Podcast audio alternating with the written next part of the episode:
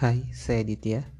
Di podcast pertama saya ini, saya mau sharing tentang artikel yang cukup menyentuh uh, diri saya sendiri ya. Artikel ini ditulis oleh Bapak Mardiku Wowik yang biasa dikenal dengan Bosman Sontoloyo. Mungkin buat yang bergelut di dunia bisnis, wirausaha, dan dunia-dunia bisnis training kayak gitu pasti sudah mengenal Bapak Mardiku ini ya karena dia merupakan salah satu top coach bisnis di Indonesia ya. Uh, langsung saja ya artikelnya yaitu seperti berikut. Judulnya Jangan mengcancel doa. Kali ini saya ingin berbagi sedikit cerita saya kepada sahabat semua.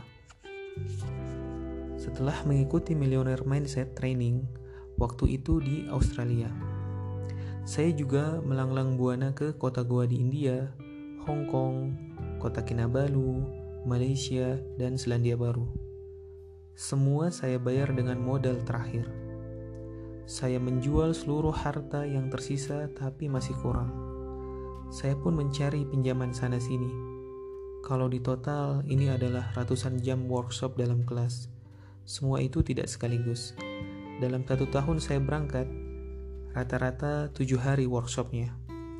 Tapi bahkan setelah itu pun ternyata belum ada yang klik dalam diri saya. Saya masih sama, masih loser, masih pecundang. Tapi saya tak ingin kecil hati. Dulu saya pecundang yang tak berilmu. Setidaknya kini saya pecundang dengan sedikit ilmu. Jujur, setelah mengumpulkan semua pelajaran tersebut, saya tak bisa serta-merta mulai mempraktikannya. Belief system saya tertabrak-tabrak. Nasib, kata mereka, kita yang menentukan. Sementara saya punya keyakinan nasib ditentukan Tuhan. Tabrakan pemahaman ini belum bisa saya terima. Tapi kalau saya tidak terima itu, artinya saya harus menerima kondisi saat itu, berutang dan hidup susah. Dan kalaupun saya kembali memulai sesuatu, akan terbawa dengan putaran yang sama. Saya sadar, untuk memulai yang baru, saya harus mengubah belief system saya.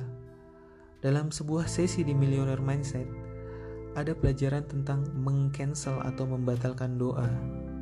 Jadi, ada pelajaran tentang berpikir dan berdoa yang tidak boleh di-cancel. Contohnya, Waktu itu saya diperintahkan untuk memohon agar diberikan satu miliar rupiah pada akhir bulan ini.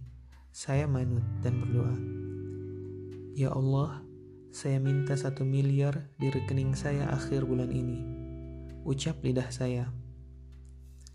Tapi meskipun lidah saya berucap seperti itu, hati kecil saya berkata lain. Apakah mungkin? Dari mana uangnya? Bagaimana caranya? Nah, rupanya keraguan-keraguan batin seperti itu bisa dikatakan seolah mengcancel doa. Dalam membuat sebuah permohonan, tidak boleh di-cancel. Kita harus percaya utuh. Untuk setiap keraguan yang timbul di benak kita, artinya doa kita sudah terbatalkan dengan sendirinya. Untuk itu, kita perlu panjatkan lagi permohonannya, diulang lagi, begitu seterusnya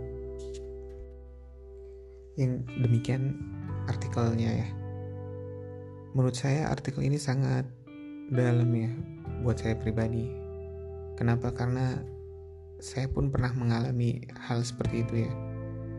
Kadang saya sendiri berdoa menginginkan sesuatu tapi dalam benak pun ada muncul keraguan ya. Bener nggak ya? Bisa nggak ya ternyata secara tidak langsung saya telah mengcancel doa saya sendiri ya. Alhamdulillah dengan adanya artikel ini saya bisa jadi sadar ya dan insya Allah memulai mempraktekkan untuk jangan sampai mengcancel doa tersebut. Karena menurut saya setelah saya pikir-pikir juga ketika dalam hati saya meragukan tersebut bisa jadi kita juga meragukan kemampuan Allah. Padahal ya Allah adalah yang maha segala bisa ya. Ketika kita minta sesuatu, tentu saja kita yakinan dengan sepenuh hati untuk berdoa dan menghilangkan keraguan-keraguan yang bisa mengcancel atau membatalkan doa tersebut. Mungkin ini saja ya di podcast pertama saya. Mudah-mudahan ini bisa bermanfaat. Terkhusus untuk diri saya sendiri ya. Apabila suatu saat saya dengar kembali rekaman ini. Demikian, terima kasih. Assalamualaikum warahmatullahi wabarakatuh.